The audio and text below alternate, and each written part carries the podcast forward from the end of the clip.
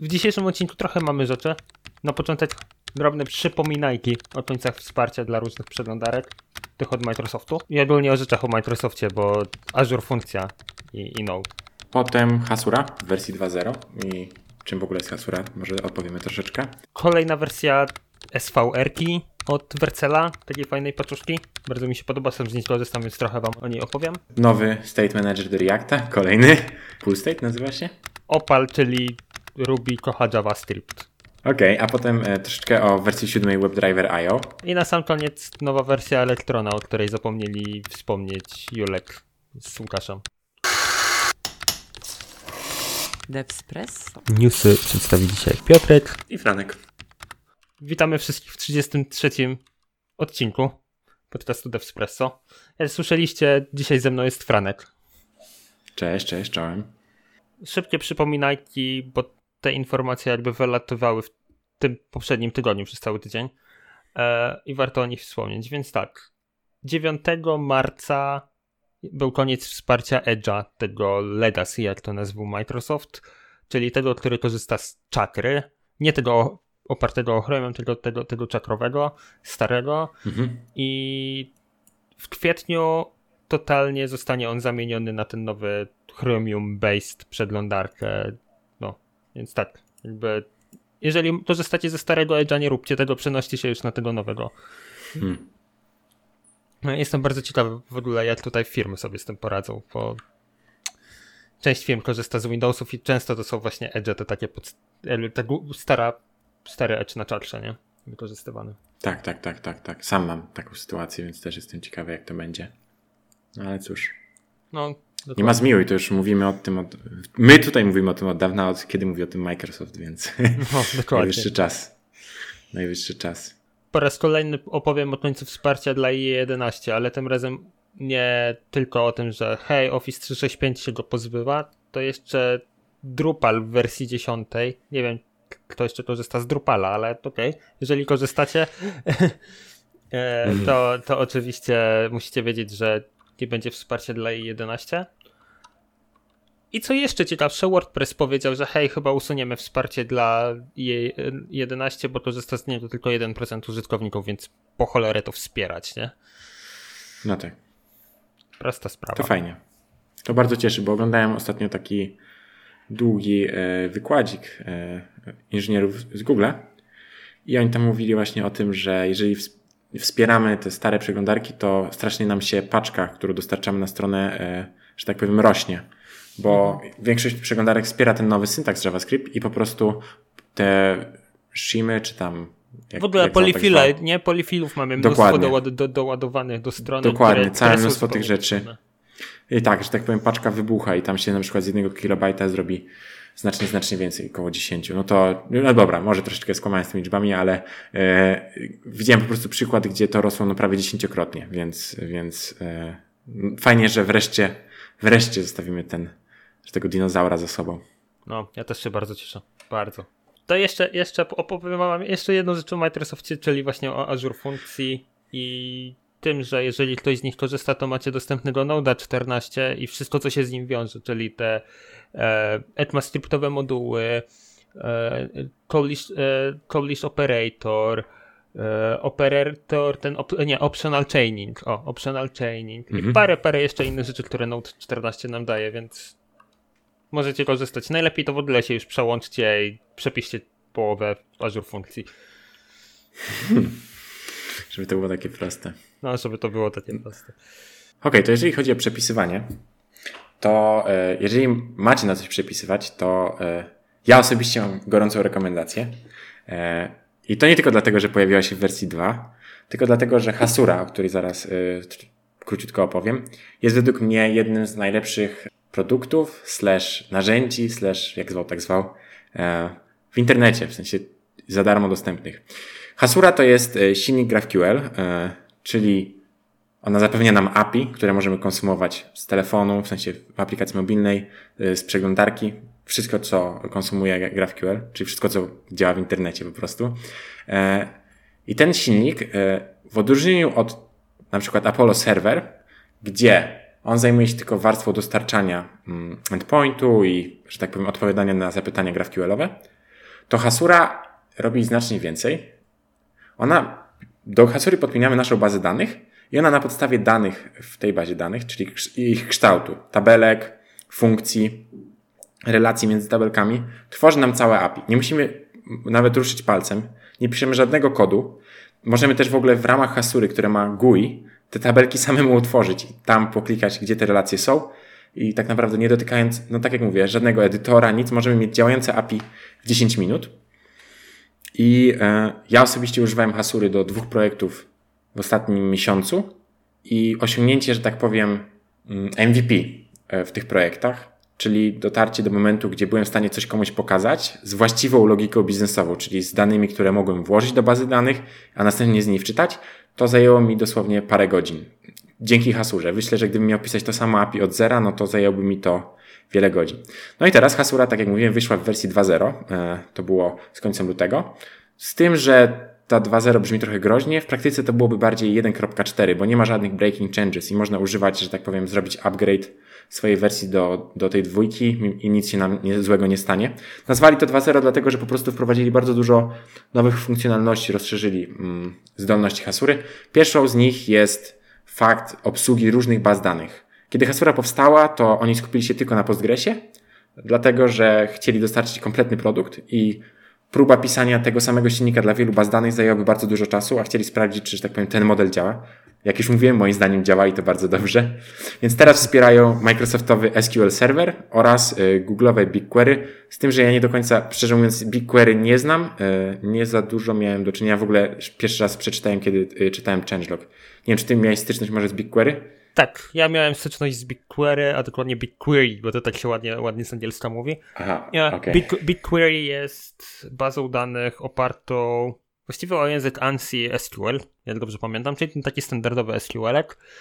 I, I on służy głównie do tego, żeby być super skalowalną bazą, dane, bazą danych, która może przytrzymywać petabajty danych i, i bardzo szybko okay. je indeksować, bardzo szybko je przeszukiwać. Mm, więc jeżeli macie big data, to najprawdopodobniej gdzieś pod spodem jest tam BigQuery. Oczywiście można robić to właśnie na jakimś postgresowym MySQL-u, czy czymkolwiek innym, tak? Przepraszam, nie, mhm. nie na postgresowym MySQL, tylko na MySQL serwerowym bazie, albo właśnie na Postgresie, albo czymkolwiek innym. Mhm. Ale prawda jest taka, że BigQuery najlepiej się sprawdza do Big Data.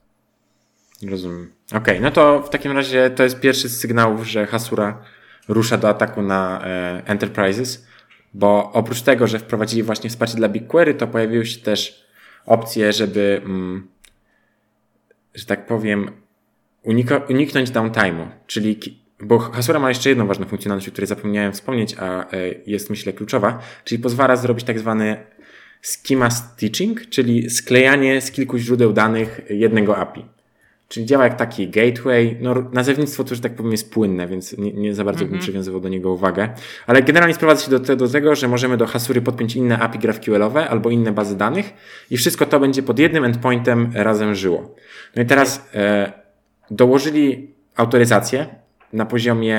E, wcześniej autoryzacja polegała na tym, że mogłeś tworzyć użytkowników w bazie danych, no i przypisywać im do danych tabelek dostępy i potem, że tak powiem, te role na podstawie tych użytkowników w bazie danych przypisywać, wykorzystując e, z requesta informacje, tak? Czyli no takie standardowa autoryzacja. A teraz oni dołożyli nie tylko dla baz danych, ale także dla tych endpointów, które dodasz do, e, do Hasury. Czyli jeżeli mamy zewnętrzny jakiś GraphQL-owy endpoint i podepniemy go do Hasury, to możemy bardzo, że tak powiem, mm, dokładnie określić, do którego z zasobów w ramach tego GraphQL-a ma dostęp nasz użytkownik. Czyli do danego zapytania, ale na przykład do danego zapytania bez kilku opcji. No, mamy bardzo duże możliwości, więc zwłaszcza dla, myślę, dużych korporacji, gdzie dane są, gdzie bardzo ważne, żeby utrzymać bezpieczeństwo danych, to jest bardzo dobra informacja. Inaczej mówiąc, Hasura zajmuje się access managementem, jak rozumiem, tak? W sensie do wszystkich elementów, które sobie tam dodamy. Ona się robi tym tym może, tak, może się zajmować. Mo, może się być wszechświatem do wszystkiego. Może być wszechświatem w tym momencie, tak jest. I Super. do tego dołożyli też opcję, w ramach której Hasura stara się, jak rozumiem, nie, e, nie dopuścić do downtime'u, czyli kiedy takie API zewnętrzne padnie, to ona stara się je odtworzyć i, e, że tak powiem, utrzymywać dalej przy życiu. W taki sposób, e, żeby, że tak powiem, użytkowników to nie zabolało. Okay. I ostatnie dwie rzeczy. Tutaj, tutaj mam jeden mały komentarz. Gorzej jak cały serwer padnie i, i wtedy Hasura nie ma na czym nawet wstać, nie? No tak, no to tu wiadomo, że, że coś takiego może się wydarzyć, aczkolwiek zakładam, że niezbyt, znaczy w sensie, że prawdopodobnym scenariuszem jest, gdzie masz hasurę za hasurą.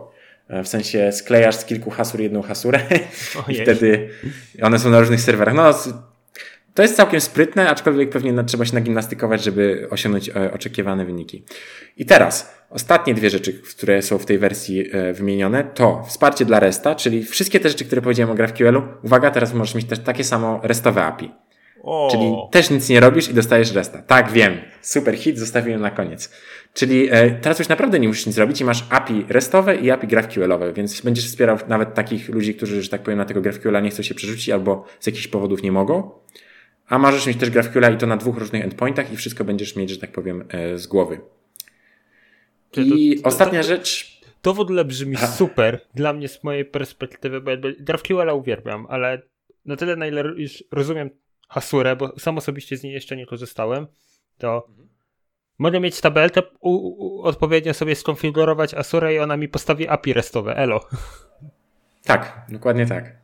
W sensie to nie jest, wbrew pozorom, to nie jest tak e, przełomowy koncept. Jest kilka już tego rodzaju e, narzędzi, ale faktycznie e, Hasura jest najbardziej dojrzałym z tych, które testowałem.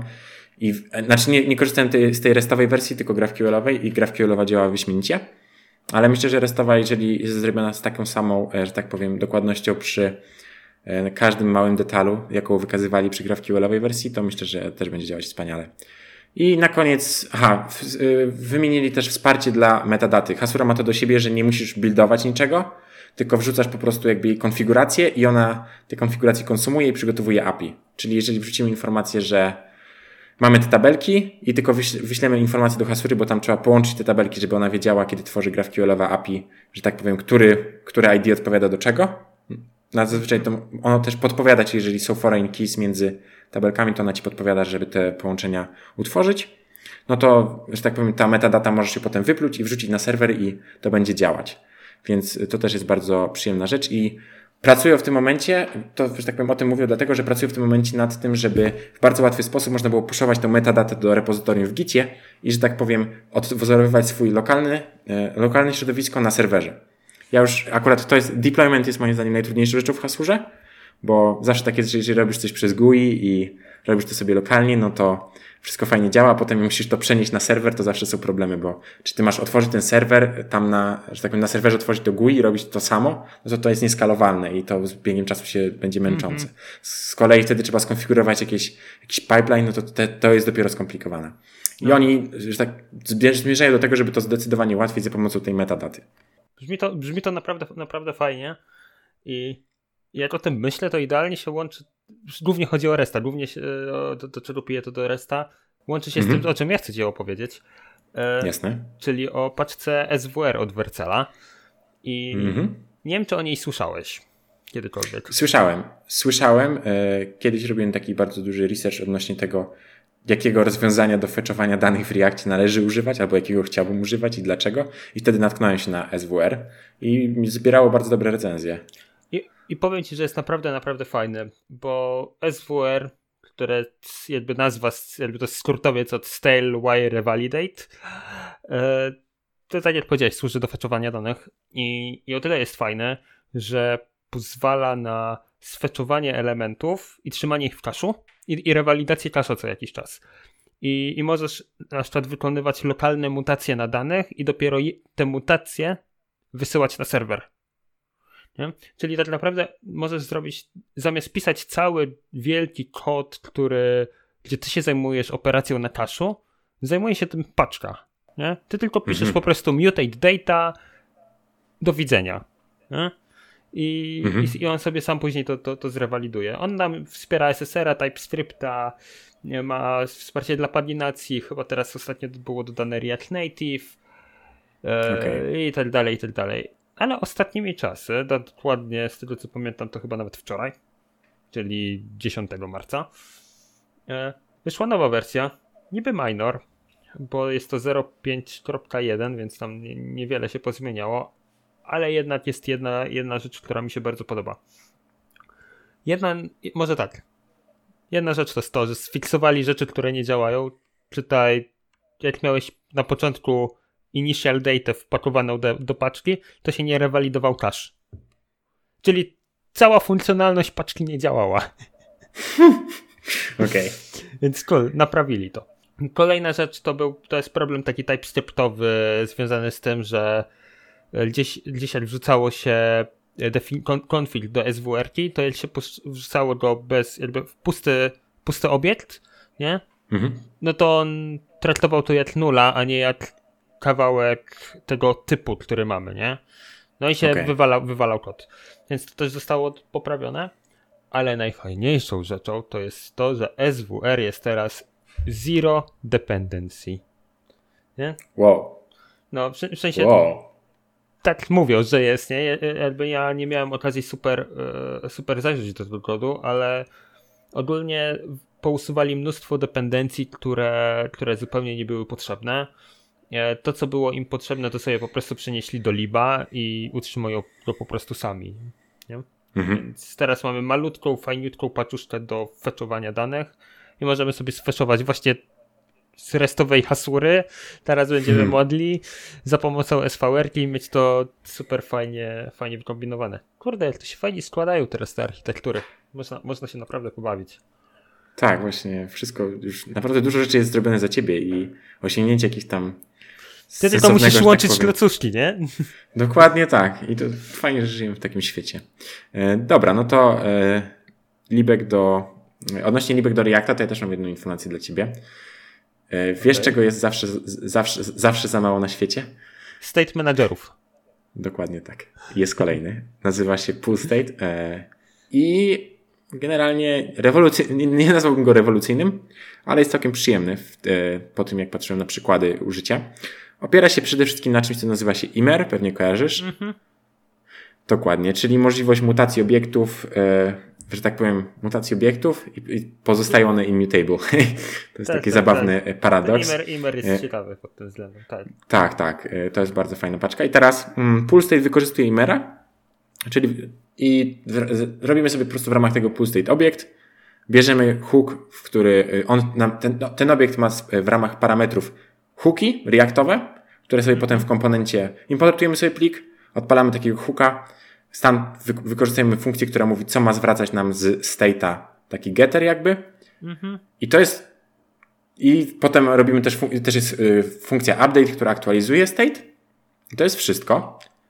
W sensie nie ma tu wiele rewolucji. To, co jest moim zdaniem bardzo fajne, to to, że w odróżnieniu od wielu innych li libek, e, ta nie wymaga od ciebie obwlekania swojej aplikacji w prowajderze. Pewnie kojarzysz taki motyw, że każda rzecz, którą robisz w Reakcie, wymaga od ciebie, żebyś wyciągnął kontekst provider, obrzucił swoje aplikacje i potem dopiero wtedy możesz z niej korzystać. Tak, jakby ja sam z tego nagminnie korzystam, bo hej, React ma to wbudowane, czemu miałbym doinstalowywać paczkę, ale rzeczywiście to jest, to jest fajniejsze rozwiązanie, nie, nie w sensie elegantsze, że się tak wyrażę. Tak, tak. W sensie wtedy te komponenty są faktycznie e, niezależne, no bo jeżeli wyciągniesz ten komponent gdzieś do zupełnie innego miejsca w aplikacji, gdzie może się okazać, że nie masz tego providera, który jest akurat potrzebny, to to i tak będzie działać i się wszystko nie wysypie. Ma to swoje oczywiście plusy i minusy, w zależności od tego, czy chcesz mieć wszystko dokładnie według swojej myśli, czy jesteś gotowy zaakceptować, że czasami po prostu to się dzieje, że ty przerzuciłeś ten komponent, a to dalej działa.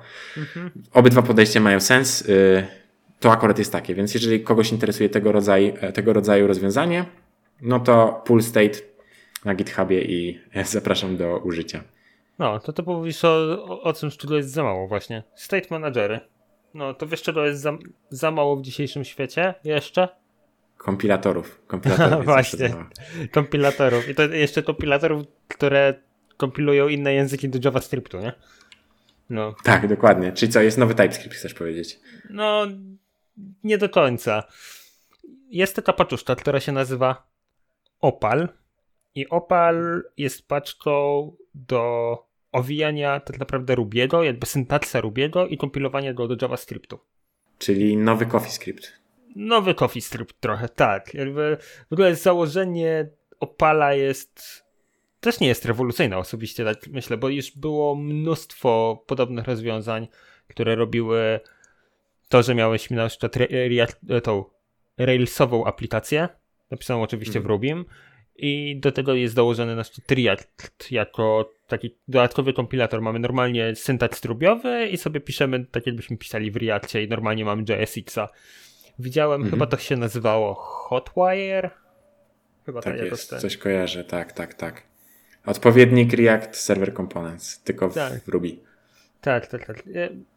Mówię, tych rozwiązań było mnóstwo, ale to, co mi się bardzo, bardzo podoba, to to, z jaką skrupulatnością twórcy Opala podchodzą do samego Rubiego.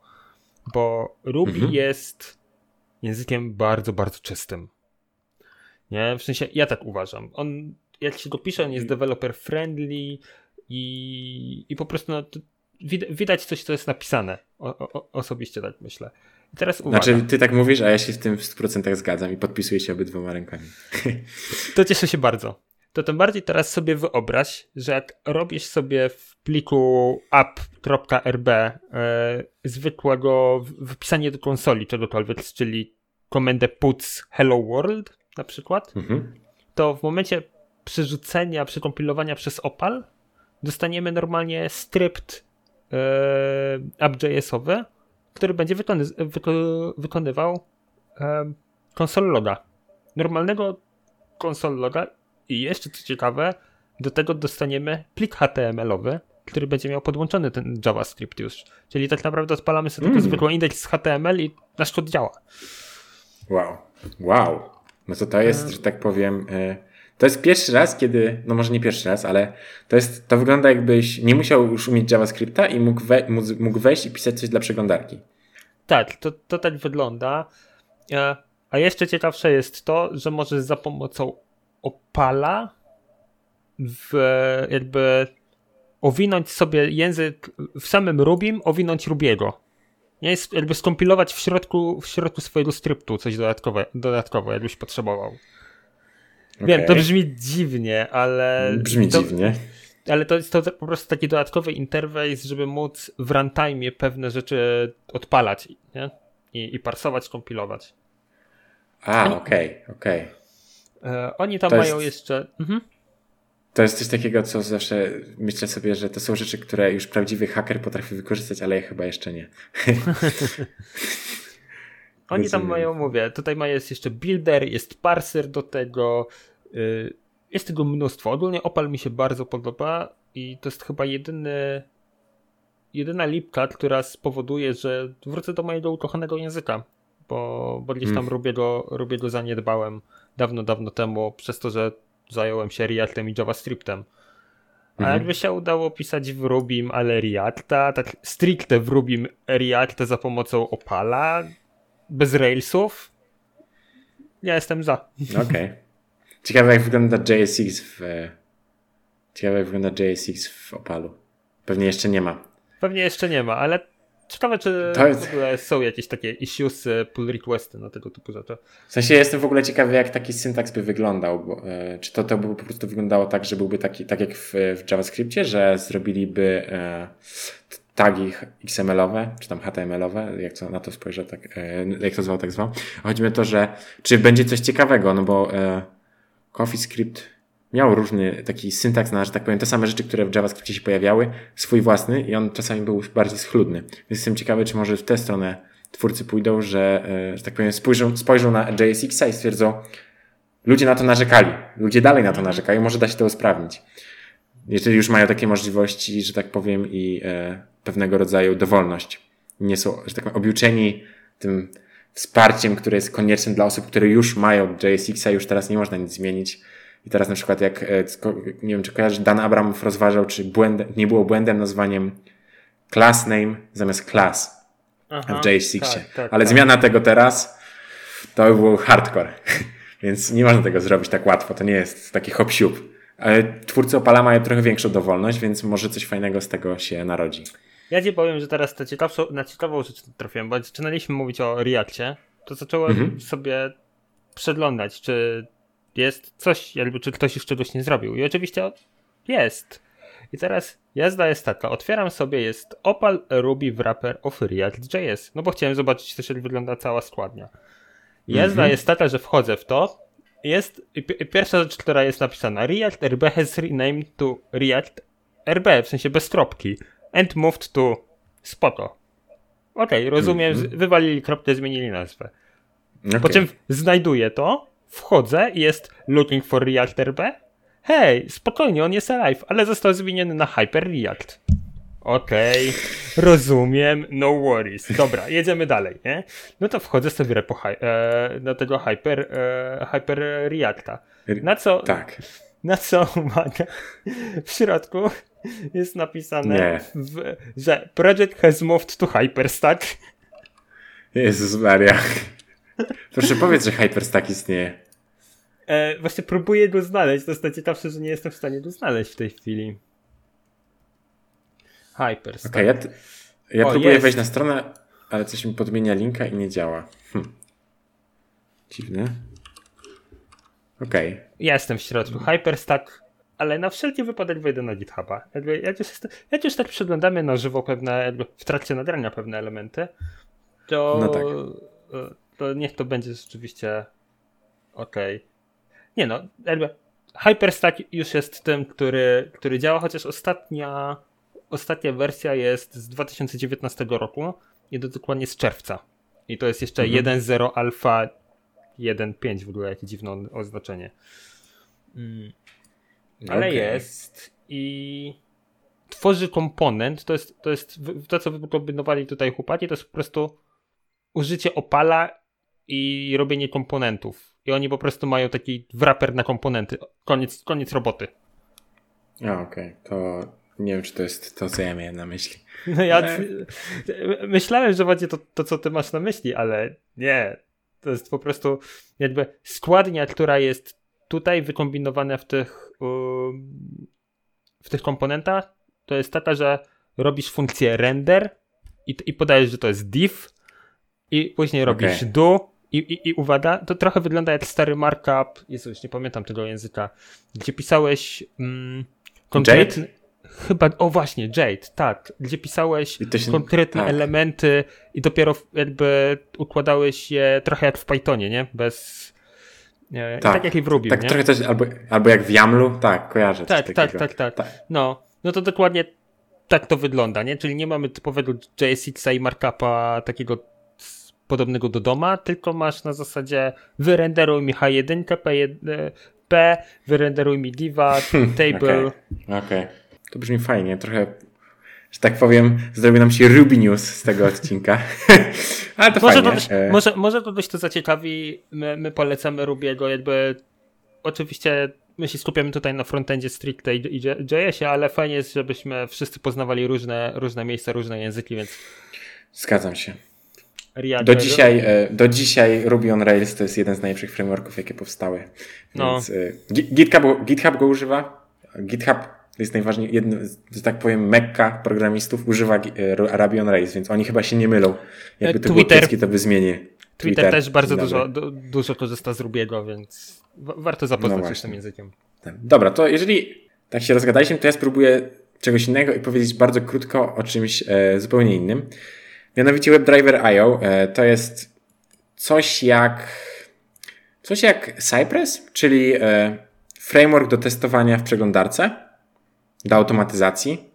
Mm, doczekał się wersji siódmej, e, w ramach której mm, tak naprawdę nie pojawiło się aż tak dużo. To znaczy, zmieniło się dużo, e, to na pewno, tylko te zmiany moim zdaniem są e, tak zwane pod, pod że tak powiem, niewidoczne dla użytkownika.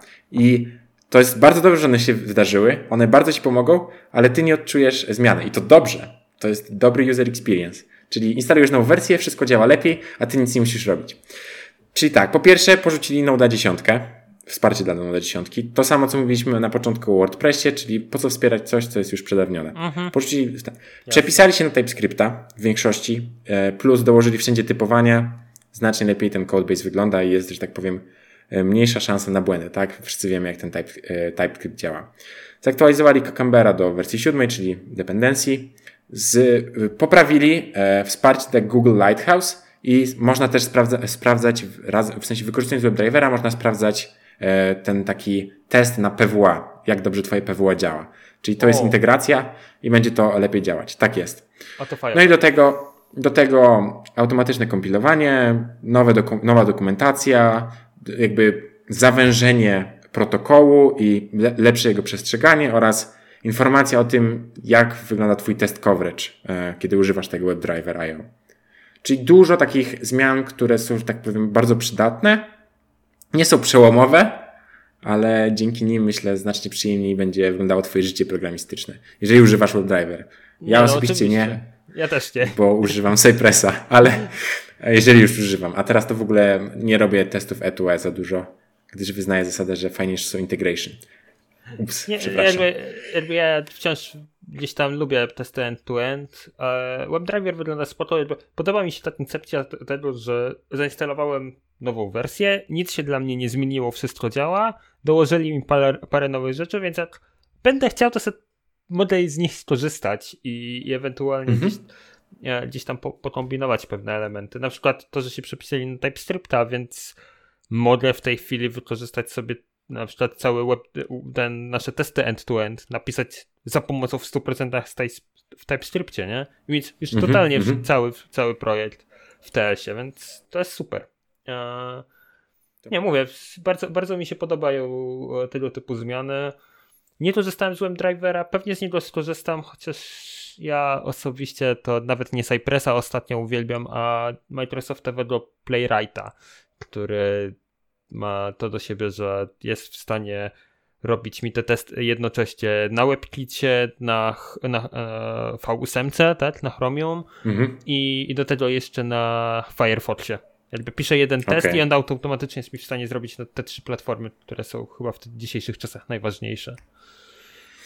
To prawda. W sensie Cypress chyba ma tę wersję w becie którejś z Firefoxa. Wiem, że obsługuje Firefoxa i Chroma. Jakoś mi się to udało odpalić, aczkolwiek to trzeba było przeskoczyć parę płotków, jak to się mówi po Mhm. angielsku. Okej. No dobra, no to z WebDrivera zasadniczo tyle. Tak jak mówiłem, to są zmiany under the hood. Mm, I co, jeszcze coś zostało w tym tygodniu? Jeszcze coś zostało, trochę, trochę takie prześmiewcze, może nawet bym powiedział. O nie.